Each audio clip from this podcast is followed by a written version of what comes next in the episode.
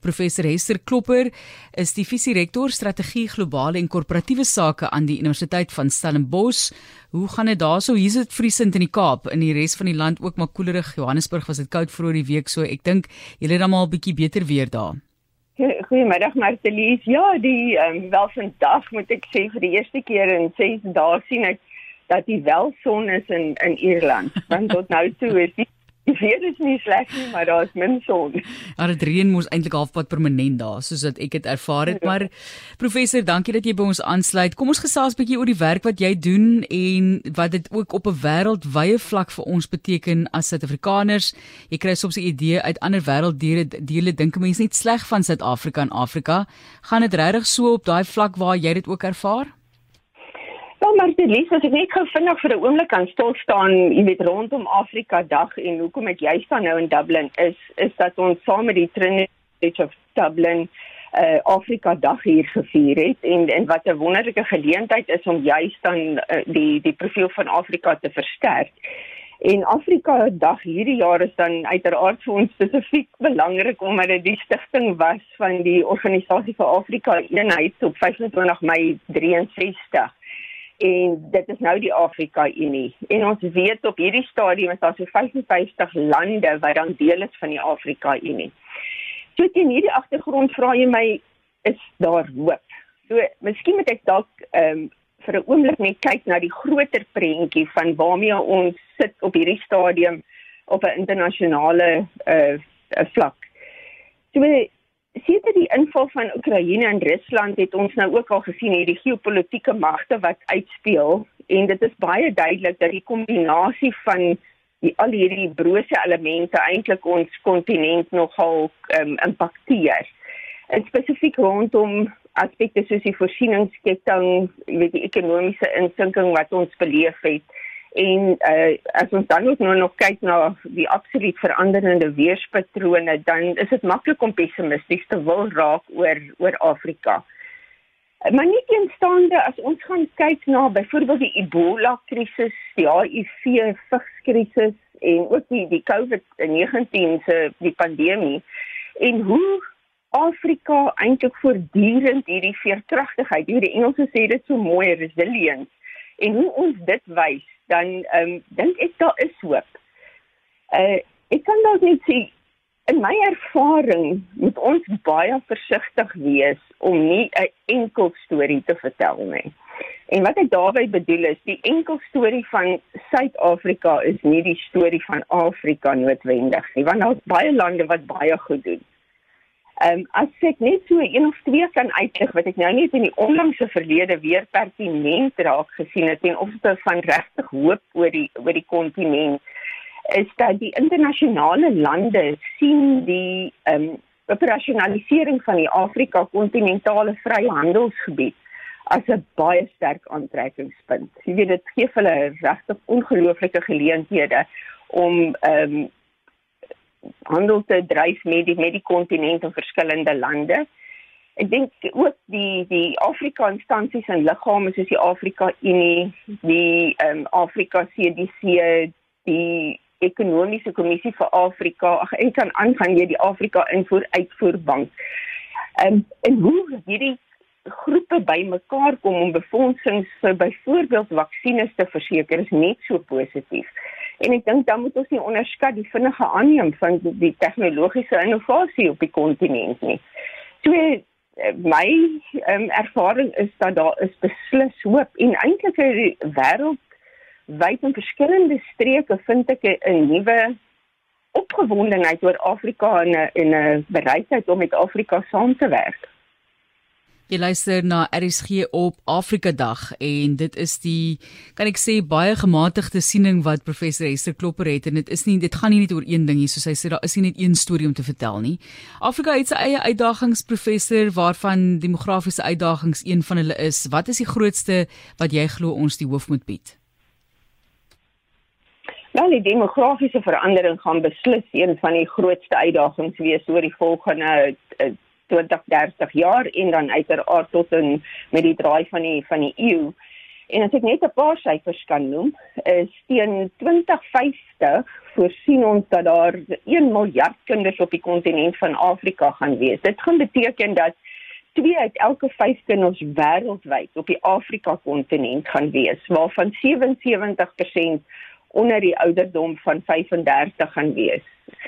Ehm um, verder het dit dan uiteraard 'n enorme implikasie vir aspekte soos ehm um, voeding vir kinders, uh gesondheidstelsels wat in plek moet wees en dan spesifiek onderwys. En as ek weer kyk na die demografie, is daar teen 2050 die voorspelling dat ons praat van 2 miljard studente wêreldwyd wat in die postsekondêre uh, sektor sal wees. En van hulle sal uh, 1 biljoen sal tussen Afrika en Asië wees. So ek dink uh, werklike uitdagings wat ons wat ons voor die ehm um, wat ons uh, in die toekoms gaan sien. Die ander wat ek nie wat ek ook dink belangrik is as ek nog so 2 of 3 net kan noem van hierdie uitdagings is spesifiek klimaatsverandering. Dit skep waarskynlik een van die grootste bedreigings ten opsigte van ekonomiese, sosiale en ontwikkelingsgebiede vir Afrika. Uh ons word uiteraard derentyd gekonfronteer met die verhoogde bedreiging van die weet storms, oorstromings in ons kusgebiede, uiterste droogte wat dan hierdie impak het op water en kossekuriteit. So ons hele totale ekosisteem is onder bedreiging wat beteken dit het 'n impak op gesondheid, infrastruktuur. En dit lei dan uiteraard tot die ander, ek dink 'n baie groot risiko vir ons in die toekoms is ehm um, die aanleiding dan tot migrasie en as ek dit is landelik na stedelike gebiede tussen lande en wat ons sien gebeur op die kontinent is dat daar hierdie uiterste verstedeliking is rondom groot stede en, en as ons net kyk na die projeksies oor die volgende uh, 50 na 70 jaar en ten opsigte van die ontstaan van megastede sal van die top 10 megastede wêreldwyd sal die helfte op die kontinent wees. So dit gaan 'n groot behoefte teweegbring ten opsigte van infrastruktuur, gesondheid, onderwys en ja, en dan moet ons ehm um, werkloosheid en kriminele elemente beperk. Ja, werkloosheid sal natuurlik ook 'n groot verskil maak daar, maar jy het nou verwys na onderwysprofessor, 'n groot uitdaging en net as ons sien na die kyk na die statistiek onlangs waar die leesvaardighede van kinders belig is. Dis net maar eh, kommerwekkend, eintlik skrikwekkend is die regte woord daarvoor. So onderwys en hooronderwys is daar 'n plek waar daar baie oplossings moet kom en eie soortige soos jy sê oplossings moet kom. Ja, ek dink jy kan sien, jy weet rondom die leesvaardigheid van kinders. Dit is my interessant, jy weet as 'n mens as ek soveel reaksies sien nou, dit is nie 'n nuwe probleem nie. Ons sit al lank met hierdie probleem en ek sien net nie eintlik dat daar vertikale intervensies is om dit om te draai nie. En dit is hoekom dit besig is om te eskaleer. Maar die opsigte van hoër onderwys, ehm um, gegee hierdie demografiese skuwe wat ons sien gaan plaasvind, gaan dit uiteraard van ons vereis om oplossings te vind wat ons huidige modelle van onderwys gaan uh, moet verander. En hoe gaan dit moet verander? Ons gaan moet definitief kyk na die versnelling van uh, aflewering op skaal uh, sonder om gehalte in te boet, maar baie vinniger want dit gaan die behoefte aanspreek. So tipies wat ons ehm um, sien wêreldwyd en ek dink dit gaan presies ook gebeur in Afrika is dat ons die vaardigheid rondom uh die of die opleiding rondom vaardigheid gaan krities raak want jy gaan die jy gaan wel seker maak jy student kan in 'n uh, omgewing internasionaal kan gaan meer ding binne die nuwe wêreld van werk.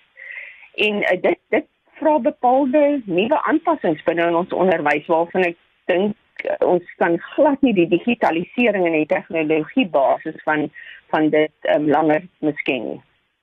En dan moet ons ook kyk na digitalisering natuurlik en tegnologie in Afrika.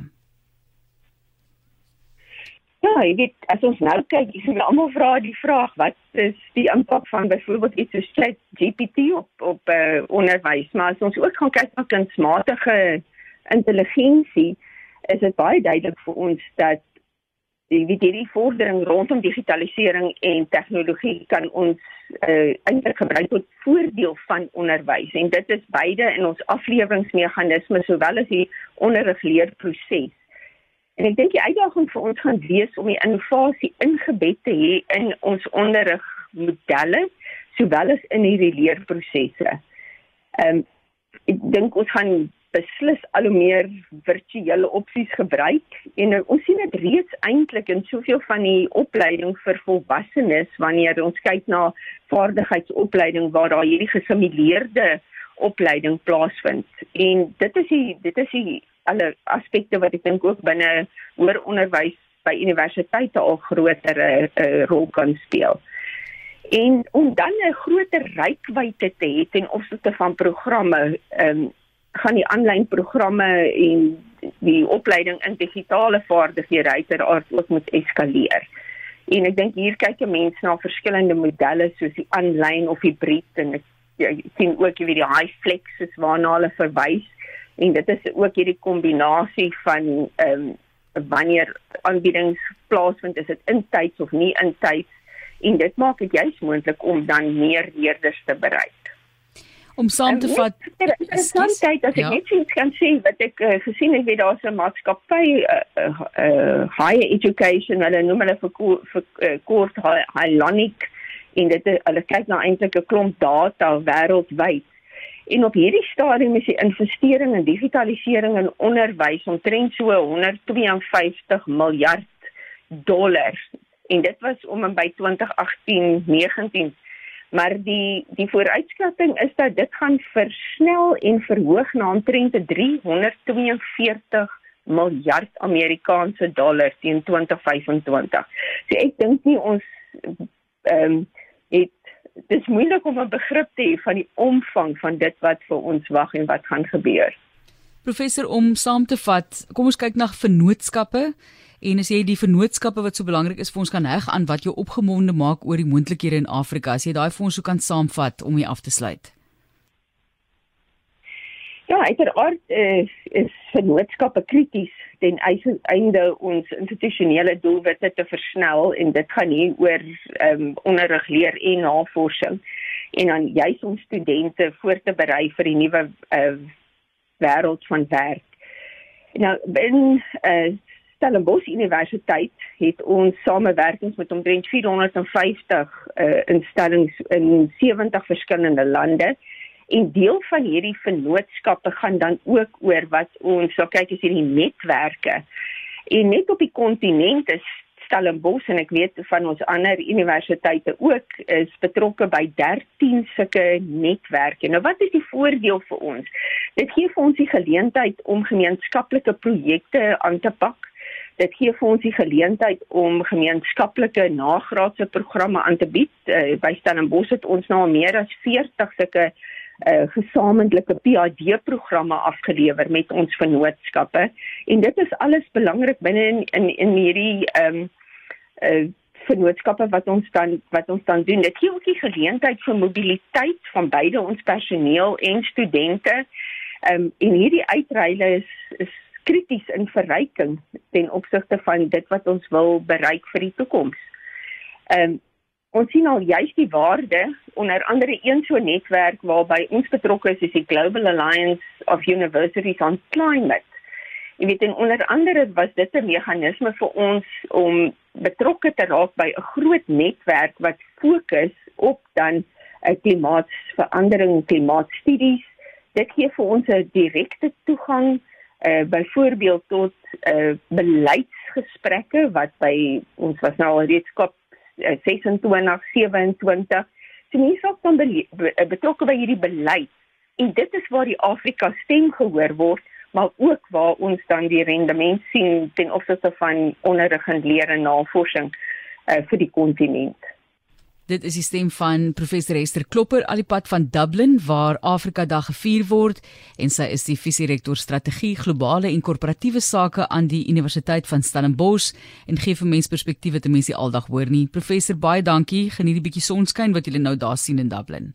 Baie dankie. Dankie dat sy ook so Afrika se naam hoog hou in plekke soos Europa en Dublin spesifiek dan nou waar sy tans haarself bevind. Baie dankie vir die lekker gesels.